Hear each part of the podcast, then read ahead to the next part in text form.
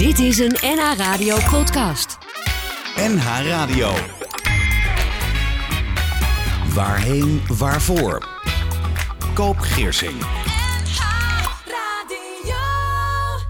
Deze aflevering van Waarheen Waarvoor gaat over doorgaan naar rouw. En mijn gast in de studio is Wendy Marsman, life coach. Welkom. Goedemorgen. Wat doet een life coach?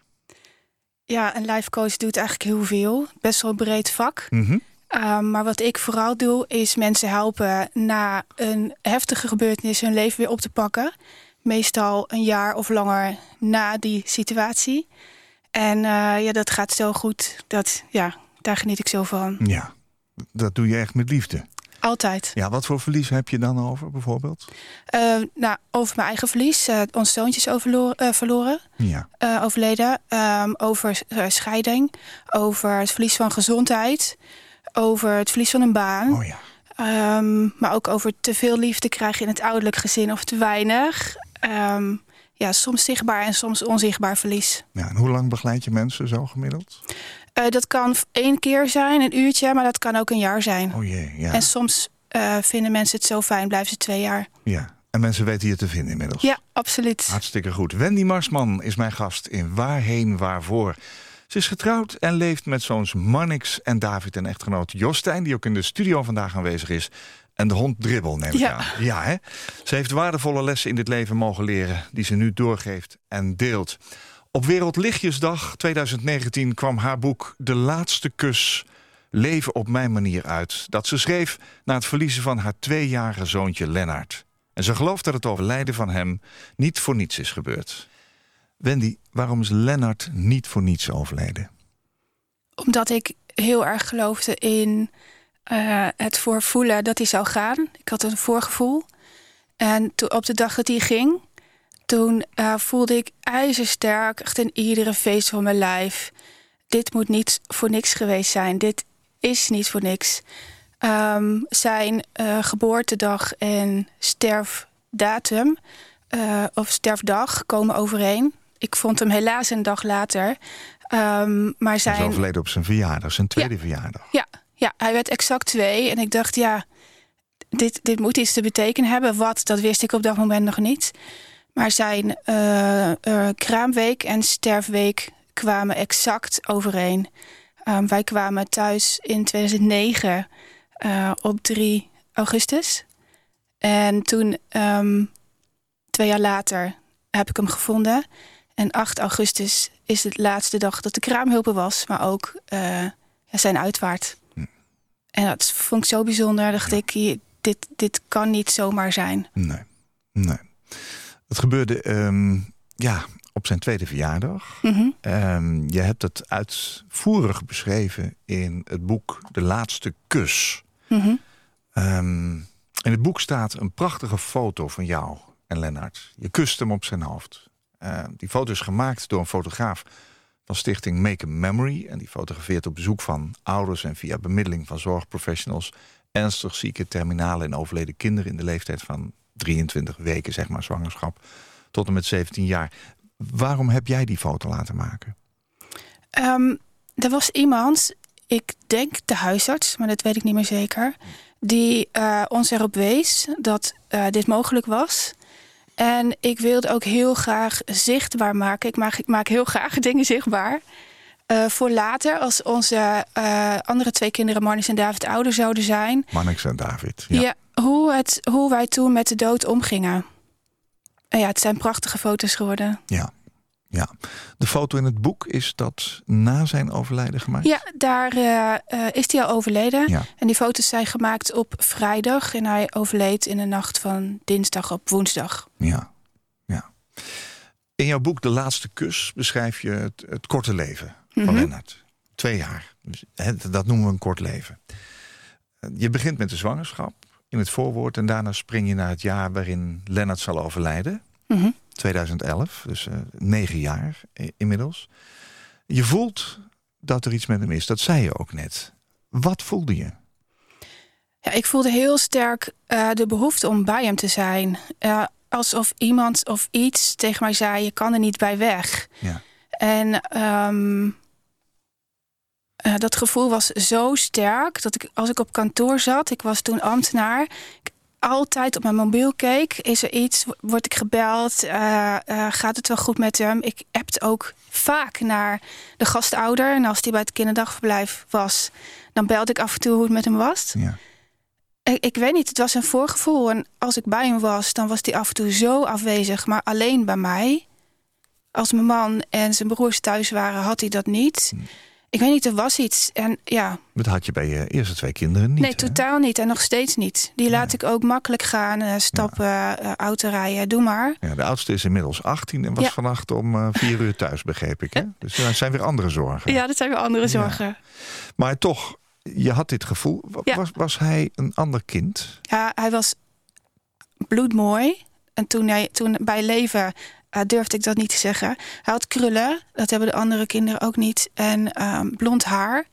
Nou ja, je ziet ons hier zitten in de studio. Eh, ik weet niet zo goed waar dat blonde vandaan kwam. Ehm, hij was qua gedrag ook heel anders. Hij stond letterlijk in het leven. Heeft nooit gespeeld met speelgoed, maar altijd met potten, pannen. eh, was buiten, heel graag buiten. Ehm, ik had op standaard vast op de fiets, anders was die weg. Traphekje hadden we niet. We wisten gewoon, ja, het lukt hem wel om naar boven, naar beneden te komen. Dat, dat doet hij. En hij valt niet. Nee. Maar het was, een, het was een kind wat anders was dan je vorige Ja. kinderen. Hè? Dan, dan de twee, twee broers. Ja, Ehm, en toch had je een gevoel van dit gaat niet goed komen. Was hij ziek? Had hij, had hij klachten? Nou, in principe was hij niet ziek.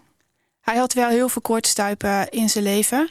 En ik dacht... Wat is in, dat, een eh, koortstuip? Even voor mensen die Ja, het is eigenlijk als je de griep hebt en je kan die koorts niet goed kwijt, dan, dan zorg je lichaam daarvoor. En dan, ja, het lijkt op epilepsie.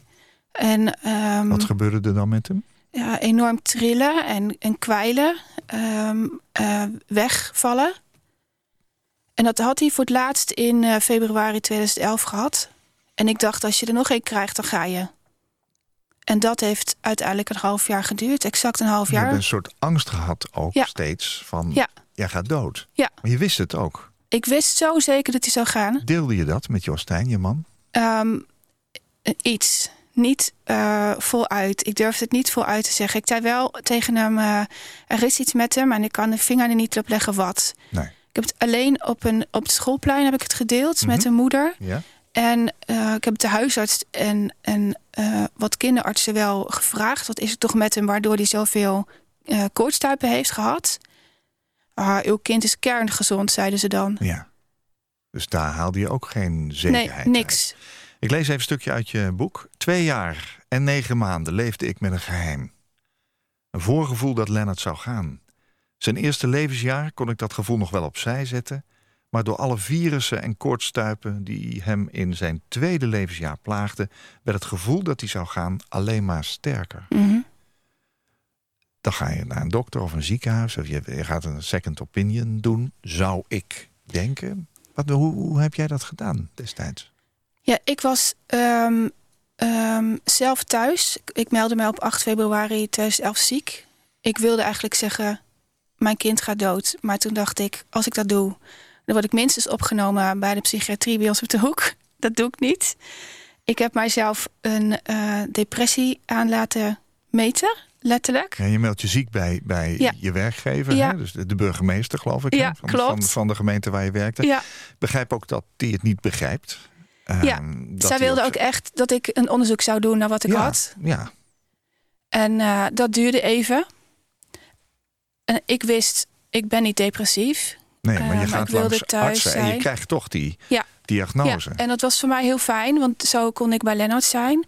En ik durfde op een of andere manier niet meer nog een keer naar de huisarts om te vragen: wat is het toch met mijn kind?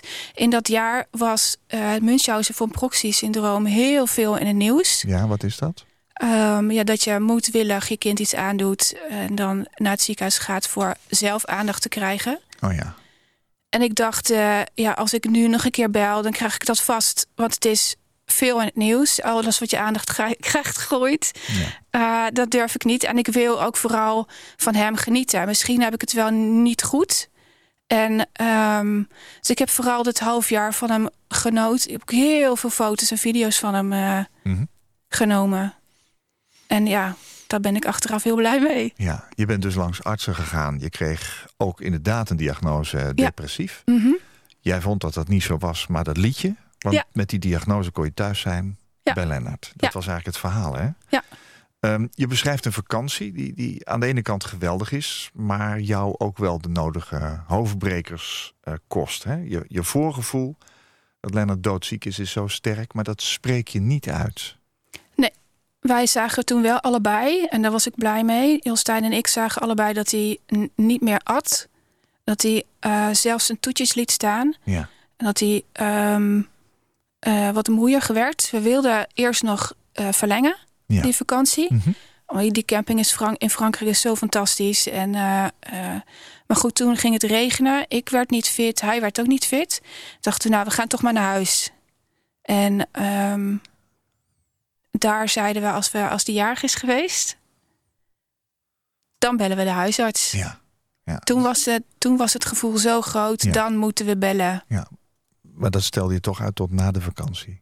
Ja, dat stelde uit tot na de vakantie, omdat hij toen eh, tussen thuiskomst en zijn verjaardag zat ongeveer een dag of vier. Ja. En ehm, we wachten eerst tot hij zijn verjaardag gevierd heeft. We hebben hem iets eerder gevierd op zondag. Ja. Hij was eigenlijk op dinsdag jarig. En ehm, ja, toen hebben we wel gebeld. Ja. Maar ja, dat hij Ja. al overleden Ja, was. ja, dat was een andere boodschap. Ja. Eh, Was hij, was hij goed tijdens de vakantie? Heeft hij ervan genoten? Hij heeft enorm genoten Ja? van de vakantie, ja. Ja, Ja. dat geeft je dan ook niet het gevoel dat je er zo achteraan moet zitten natuurlijk. Nee, hij had ook allemaal vriendinnetjes. Gek genoeg heten ze alle drie, eh, of alle twee, eh, Anne, Anne, ja, Annabel of Isabel. Eh, en, ehm, Eindigt op bel in ieder geval. ja, Ja. en eh, waren allebei blond. ja, hij had het naar zijn zin.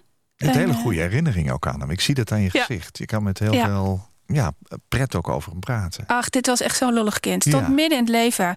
Was echt hier. Was echt hier aanwezig. ja. Leeft hij in jou voort? Jazeker. Ja, dat is mooi. Ehm, we gaan zo verder praten, want die verjaardag komt eraan. D- daar wil ik wat langer bij stilstaan. Ik heb jou gevraagd, zoals ik dat iedere week in Waarheen Waarvoor aan mijn gast vraag. Neem nou eens drie liedjes mee die op je eigen uitvaart eh, gehoord moeten worden. Was dat een lastige klus in jouw geval? Niet echt heel erg lastig, maar ik blijf de inspirator. Dus ik wil mensen heel graag iets meegeven. Mhm. Tot en met mijn uitvaart. Ja. En daar heb ik mijn keuze op gebaseerd. Ja. Gaan we naar eh, jouw eerste liedje, De Steen. Ja. Waarom? Um, de Steen is het dooplied van Lennart. Toen hij werd gedoopt hebben we dat nummer gedraaid. Maar ik vind dat er aan het nummer een hele mooie symbolische betekenis zit. Want water gaat eigenlijk overal doorheen. En um, er komt wel weerstand tegen, maar gaat toch uiteindelijk door. En ik geloof heel erg in uh, ja, weerstand kun je krijgen.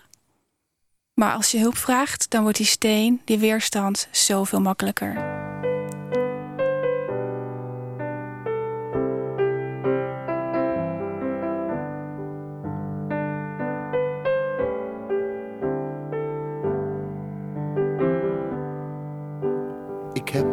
Een steen verlegd in een rivier op aarde. Het water gaat er anders dan voorheen. De stroom van een rivier hou je niet tegen. Het water vindt er altijd een weg omheen. Misschien eens gevuld door sneeuw en regen, neemt de rivier mijn kiezel met zich mee. Om hem dan glad en rond gesleten te laten rusten in de luwte van de zee. Ik heb een steen verlegd in een rivier op aarde. Nu weet ik dat ik nooit zal zijn vergeten. Ik lever de bewijs van mijn bestaan. Omdat door het verleggen van die ene steen de stroom nooit meer dezelfde weg zal gaan.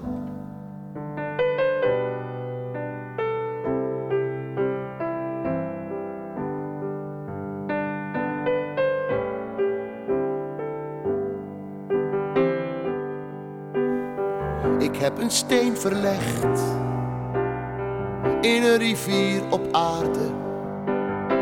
Nu weet ik dat ik nooit zal zijn vergeten. Ik lever de bewijs van mijn bestaan. Omdat door het verleggen van die ene steen de stroom nooit meer dezelfde weg zal gaan. Prachtige tekst, een liedje dat nog wel eens te horen is bij een uitvaartplechtigheid. De Steen, het origineel is van Bram Vermeulen. En dit is de versie van Paul de Leeuw. Moeten straks eens even aan Cor Bakker vragen... die vanaf eh, tien uur hier presenteert op NH Radio... of hij de pianist is op dit stuk. Je hebt het aangevraagd. Wendy Marsman is vandaag mijn gast hier in Waarheen Waarvoor. Zij schreef het boek De Laatste Kus... met als subtitel Leven op mijn manier. Je hebt er iets van geleerd. Van de dood van jouw zoon Lennart. Van jullie zoon Lennart. Nou, je, ik, ik, vertelde al, je beschrijft een vakantie die aan de ene kant geweldig is... maar uh, tegelijkertijd je voorgevoel dat Lennart doodziek is, is zo sterk. Uh, maar toch, dat spreek je niet uit in feite. Je weet op enig moment dat dat gaat gebeuren. En rondom de voorbereiding van zijn tweede verjaardag... moet je zelfs toegeven dat je niet had verwacht... dat hij die dag nog zou halen. Waarom niet? Kwam het zo dichtbij? Ja, het kwam enorm dichtbij. Um, het gevoel dat ik onze huisarts zou moeten bellen... Um, um, was, was zo sterk, zo beklemmend eigenlijk ook... dat we... ik was nooit van het verjaardag vieren voordat je jarig was. En ik voelde, het moet moeten zijn verjaardag vieren voordat hij jarig is. Dus op zondag uh, 31 juli uit mijn hoofd uh, uh, vierden we zijn, zijn feestje. Hoe zag die dag eruit? Um, we hebben hem uit bed gehaald. En um, bij ons is, één, is er één regel. Nou, die is nu niet meer, maar toen ze klein waren... Ja. Uh, mag je als, als je jager bent, mag je als eerste naar beneden. Oh dan mag je uh, de versieringen als eerste zien. Mm -hmm. Dan is de verrassing nog het grootst. En um, ik had hem uit bed gehaald, zijn nieuwe kleertjes aangedaan. En uh, ik weet niet, hij was al volgens mij al wat ziekig en wat lamlendig. Hij, ik had hem op mijn heup vast en we liepen samen naar beneden. Hij, hij deed het niet zelf, hij wilde bij mij hangen. En uh, we gingen naar beneden en hij was niet echt onder de indruk of zo van alles uh, wat er hing. Was hij dat anders wel? Want je vertelde wel dat ja, het een ander kind was dan. Ik kan, me, ik kan me zijn eerste verjaardag niet zo heel erg goed herinneren. En ik weet ook, als je één bent, dan uh, ben je nog niet heel erg bewust van. Maar als ik terugkijk naar de verjaardag van de andere kinderen... die waren altijd helemaal onder de indruk en blij met de ballonnen en de slingers. En ja. um, de kaarsjes en de leuke dingen. Ja, speciaal voor hun. Nou, hij had dat niet. Nee. En alle cadeaus die hij die dag uit heeft gepakt, die pakte die uit met een precisie. Dat heb ik een tweejarig kind nog nooit zien doen. Echt niet. Nergens. dat is. Ja, dat, hij, dat hij je aankijkt, zoals ik jou nu aankijk. En dat hij dan uh, het plakbandje heel zorgvuldig opentrekt, stuk voor stuk. En dan zo van, wauw, ik krijg iets van je. Een pure dankbaarheid. hoe kan dat bij een twee jaar? Ik, ik begrijp dat nog steeds niet. En um, dat hij dan mijn vader een handje geeft. En uh, opa, dank voor de trekker die hij kreeg toen. Opa, dank. Heel, heel beleefde zoon. Ja, dat leek goed, zo. Goed opgevoed. Heel beleefd. Maar, maar was het voor jou een signaal van iets anders? Ja, iets hogers. Iets.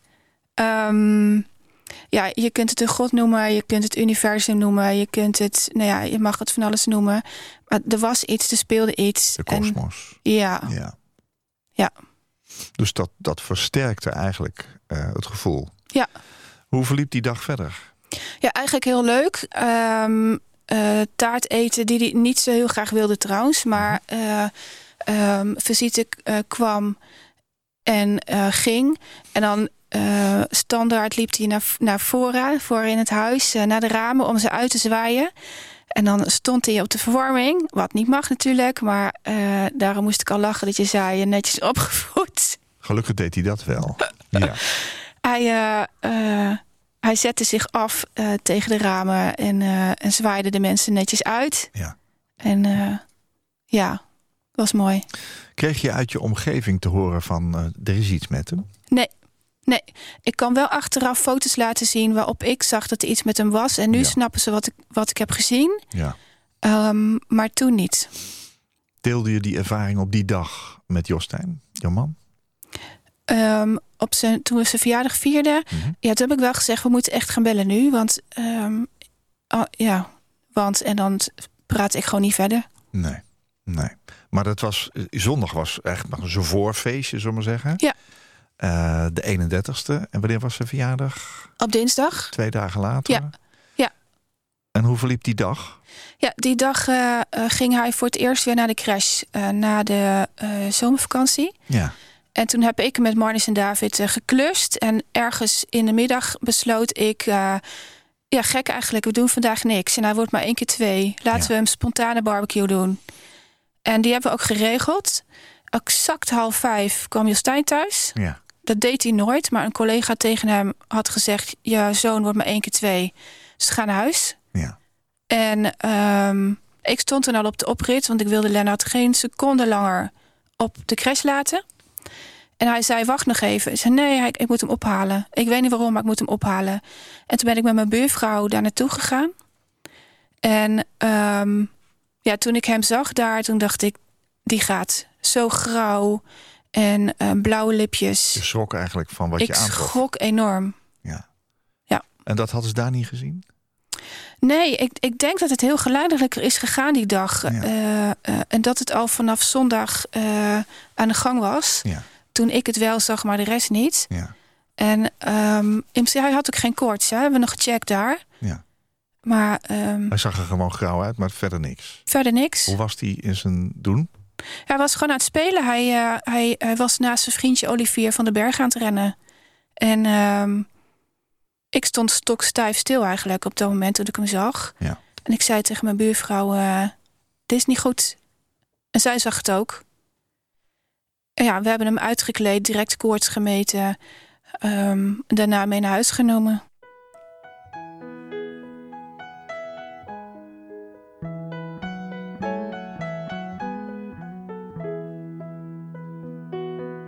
Ik hou van mij, hoor je nooit zingen. Ik hou van mij, wordt nooit gezegd. Maar ik hou van mij, ga ik toch zingen. Want ik hou van mij, van mij alleen, en ik meen het echt. Ik hou van mij, want ik ben te vertrouwen. Ik hou van mij, van mij kan ik op aan.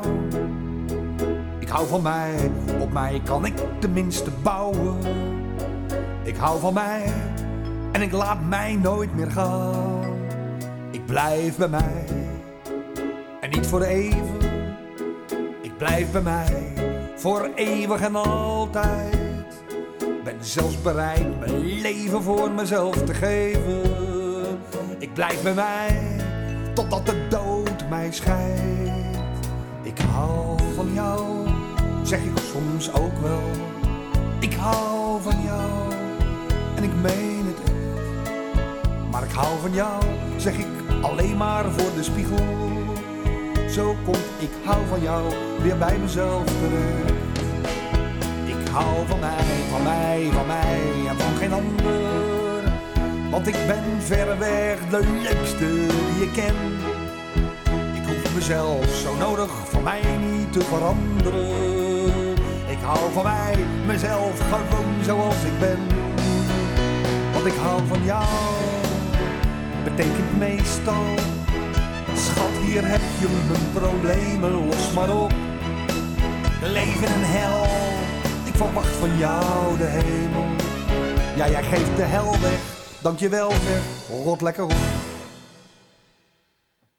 Want ik hou van jou is niet de sleutel tot de ander. Maar ik hou van mij, al klinkt het bot en slecht. Want wie van zichzelf houdt, die geeft pas echt iets kostbaars. Als hij ik hou van jou tegen een ander zegt. Harry Jekkers, ik hou van mij, want ik ben te vertrouwen. Van mij kan ik op aan, op mij kan ik tenminste bouwen... en ik laat mij nooit meer gaan. Zijn waarheid als een koe ook. Tweede liedje van de drie liedjes die je meegenomen hebt... die op jouw uitvaart misschien best een boodschap hebben. Mhm. Deze boodschap moet nog even duidelijk worden eh, in jouw verhaal. Maar hij heeft natuurlijk met alles te maken waar je nu voor staat. Hè? Ja, dit lied gaat door alles heen. Ja. Ehm, vooral dat je van jezelf mag houden eh, met alles waar je tegenaan loopt. En als je shit hebt, dan is dat soms wel heel erg moeilijk... omdat je gewoon niet weet wat je lijf aan het doen is. Je wordt overvallen door emoties.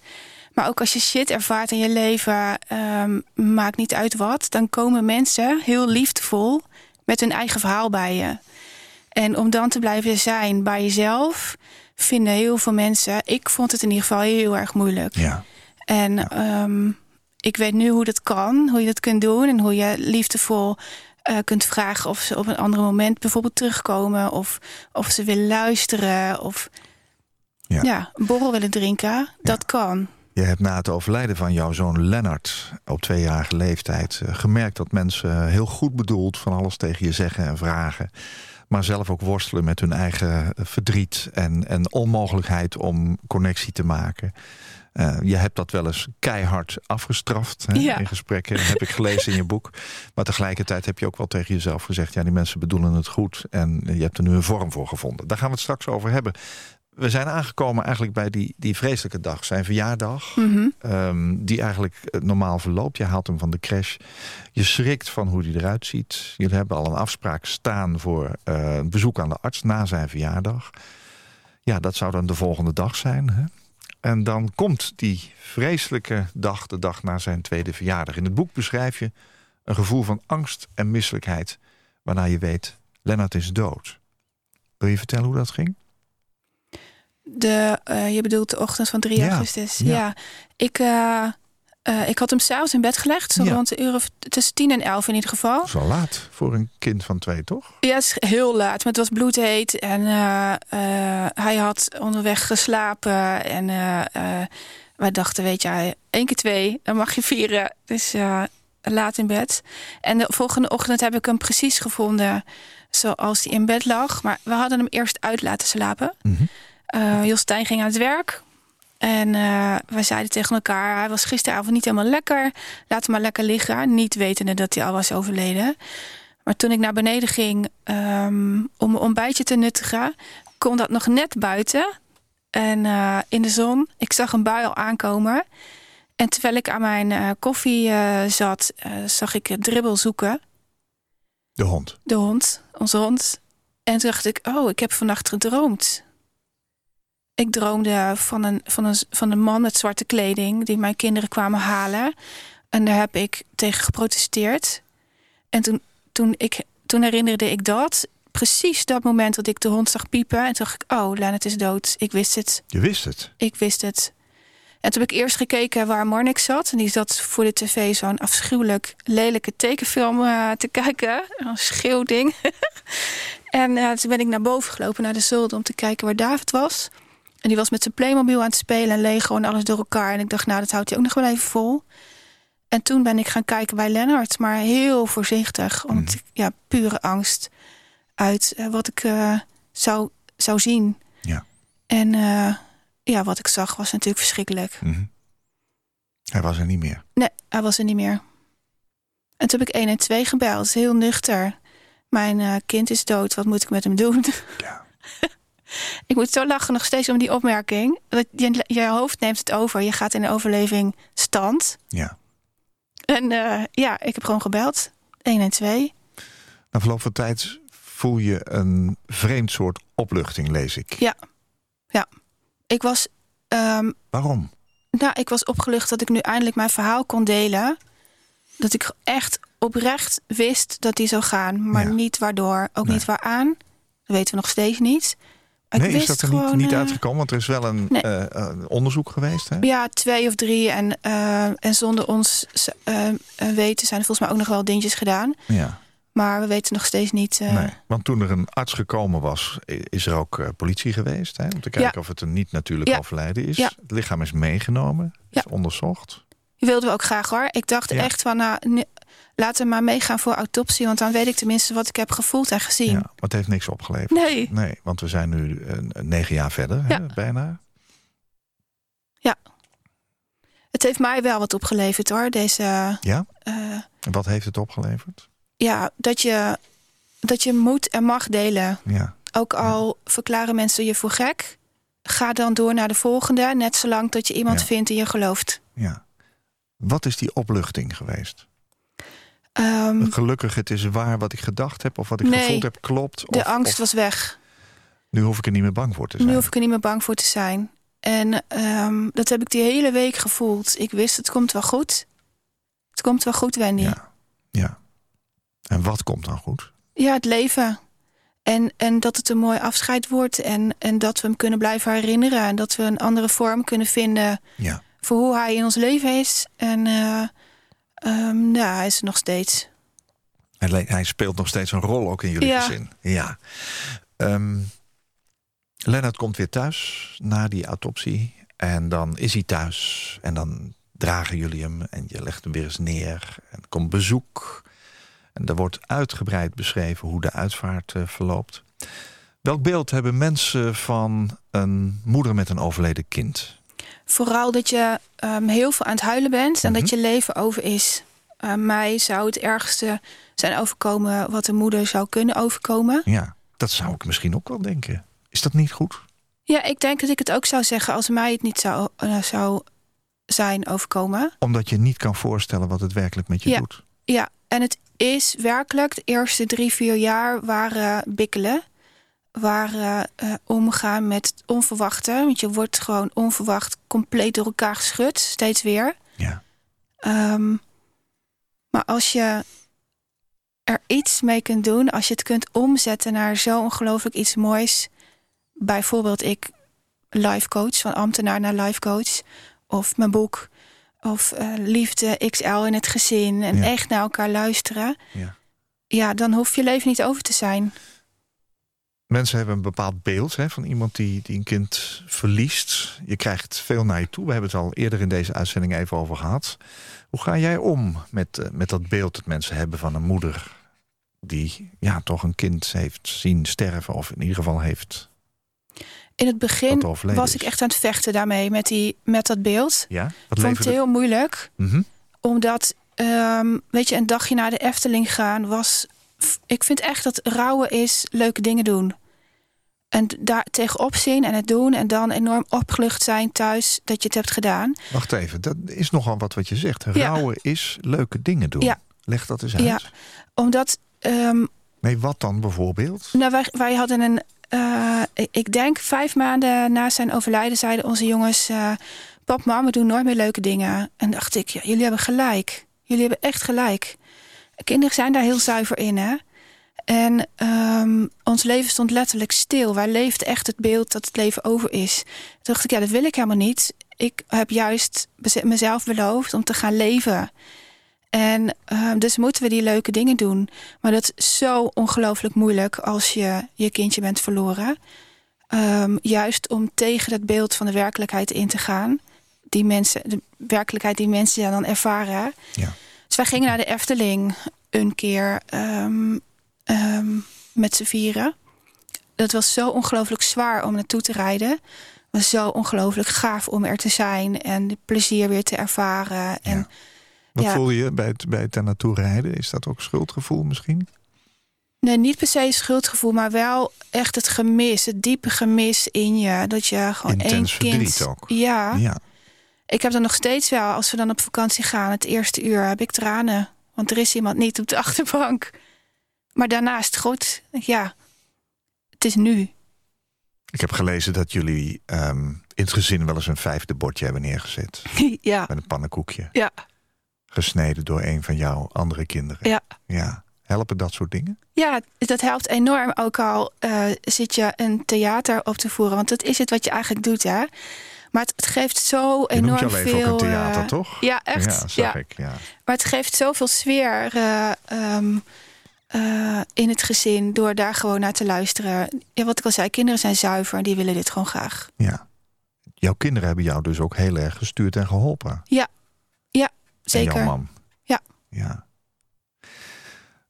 Ik heb je gevraagd vooraf, hè, want we, we hebben vooraf contact gehad voordat deze uitzending eh, er was. Hoe heeft het boekje geholpen met het verlies van Lennart? Niet, zei je. Nee, Dat heeft me niet geholpen. nee. Nou, leg dat nou eens uit. Want, eh, want ik zou juist zeggen van, je, je doet het ergens voor. En je hebt er een boodschap in, waar we het zo nog Ja. over gaan hebben. Maar Ik heb het boek vooral geschreven voor Marnix en David. Dat ik ze later eh, kan vertellen. Dat ze, en dat ze zelf ook kunnen lezen hoe het voor mij was. Mhm. Daar heb ik het vooral voor geschreven. hebben zij het gelezen inmiddels? Nog niet. Eh, de middelste gaat hem wel lezen voor school. Dat mag. Ja, dat mag. Oh. Er zijn inmiddels drie pubers die hem aan het lezen zijn voor hun lijst. Ehm, maar ehm, waar het voor mij vooral mee geholpen heeft, is ehm, eh, ervoor, de acht jaar ervoor. Ik wilde een boek neerzetten. Ik wist natuurlijk dat er een verhaal in zat. Ik Ja. wist als klein kind al dat ik ooit een boek zou schrijven. Ehm, natuurlijk niet dat dit het zou zijn. Gelukkig weet je niet alles van tevoren. Maar dat ik nu het verhaal kan loslaten. Dat ik het niet meer zo sterk hoef vast te houden in mij. Omdat ik weet dat ik het ooit ga schrijven. Dat heeft mij opluchting gegeven. Ja. Ik hoef nu niet meer te onthouden. Om herinneringen vervagen. En het staat nu allemaal in het boek. Ja. In dat opzicht heeft het je geholpen. Ja, ik voel me een stuk lichter.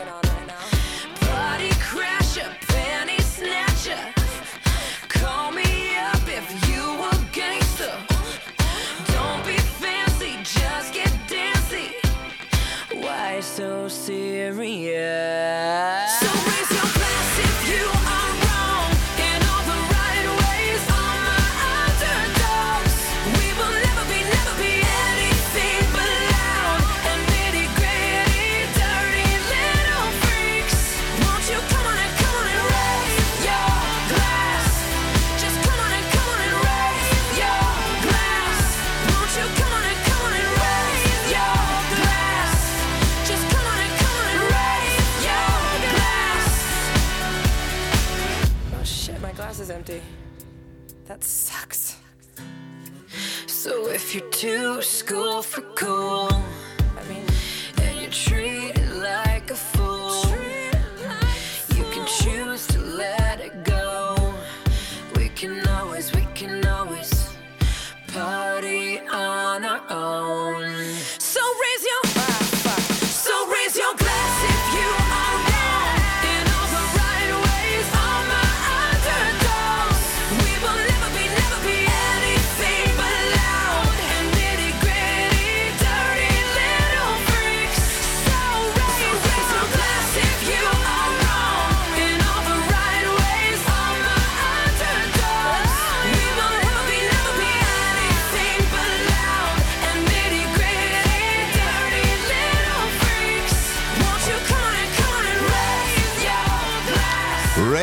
Your glass. Het is eh, heel erg vroeg op de ochtend om een glass te racen, maar Pink zingt het.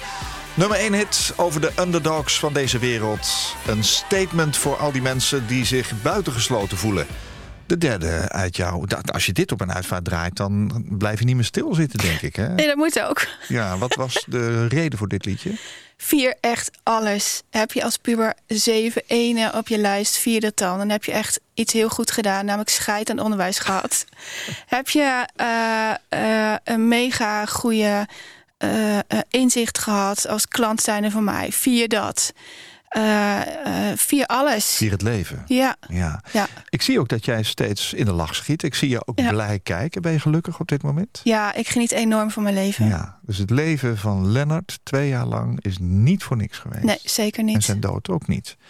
Eh, je zegt in het boek dat de dood jou duidelijk gemaakt heeft dat je voor die dood niet hebt geleefd. Wat, wat doe je nu anders dan voor de dood van Lennart? Ik eh, luister niet meer naar al die gedachten, die kleine stemmetjes die overal in je opploppen. Doe dit niet, het is gevaarlijk. eh, daar luister ik niet meer naar.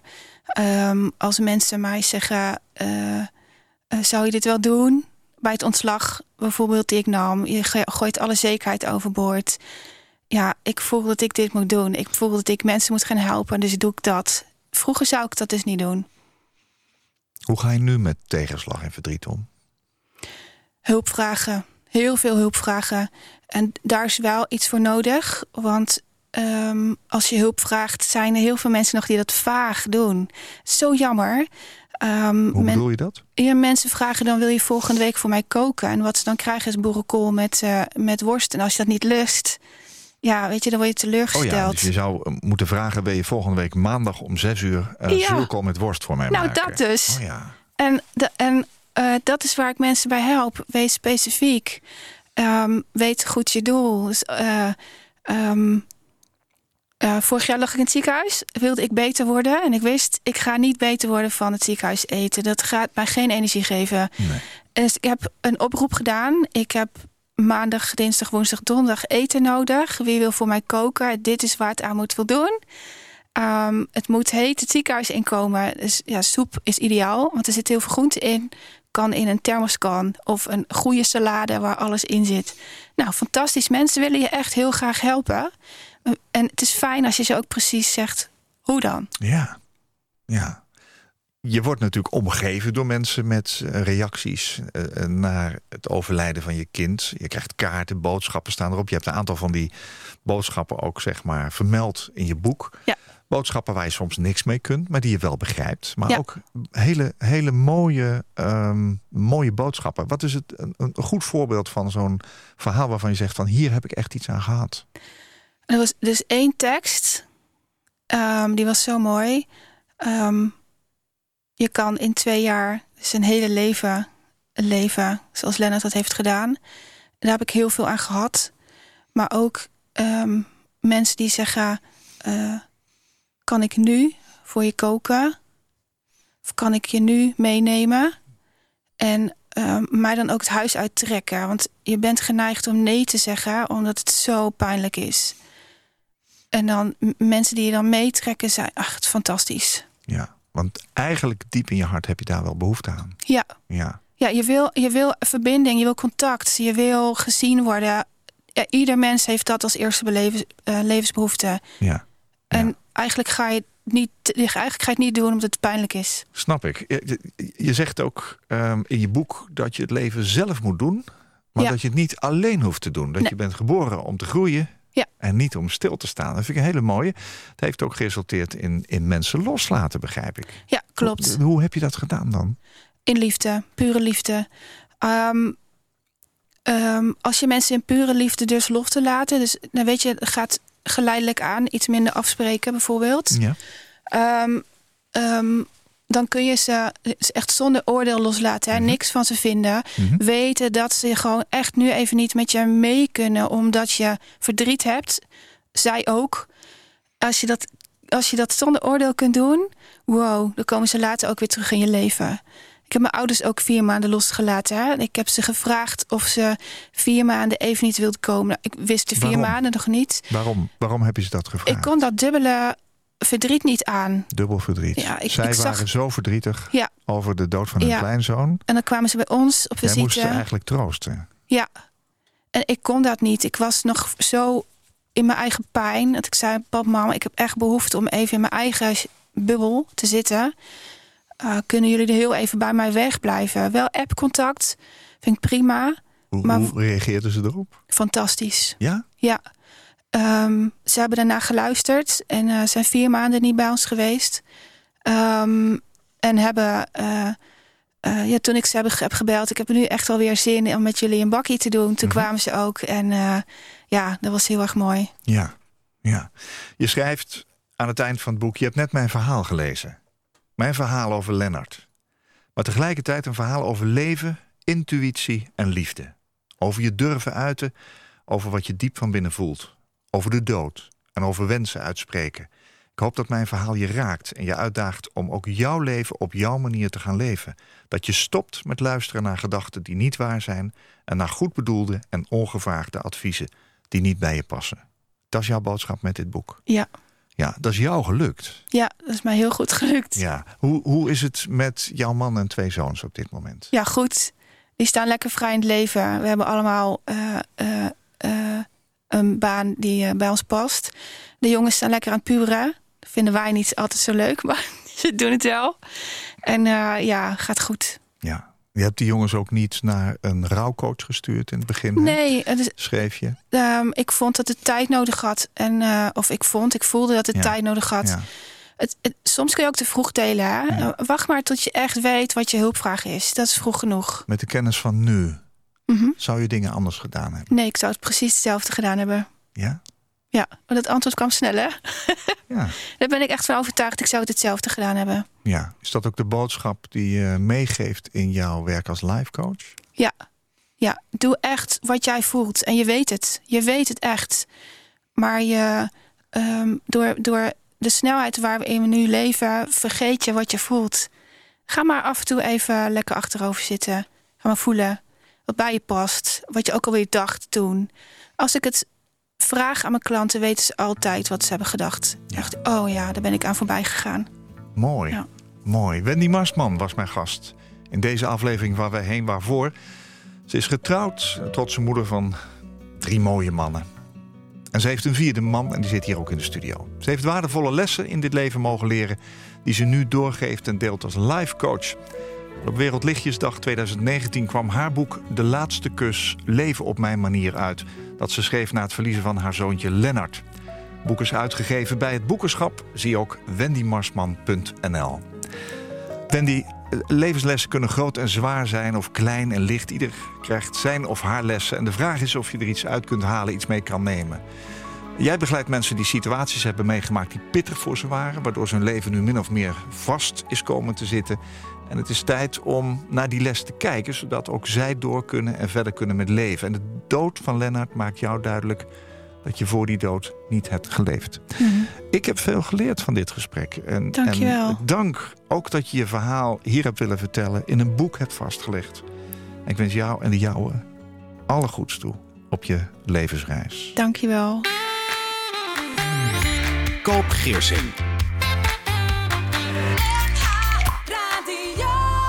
Als jij een keer te gast wilt zijn in Waarheen Waarvoor om te vertellen over jouw levensreis, laat me dat dan weten via waarheenwaarvoor@nhradio.nl. Waarheenwaarvoor@nhradio.nl. Dit was een NH Radio podcast. Voor meer, ga naar nhradio.nl. Radio.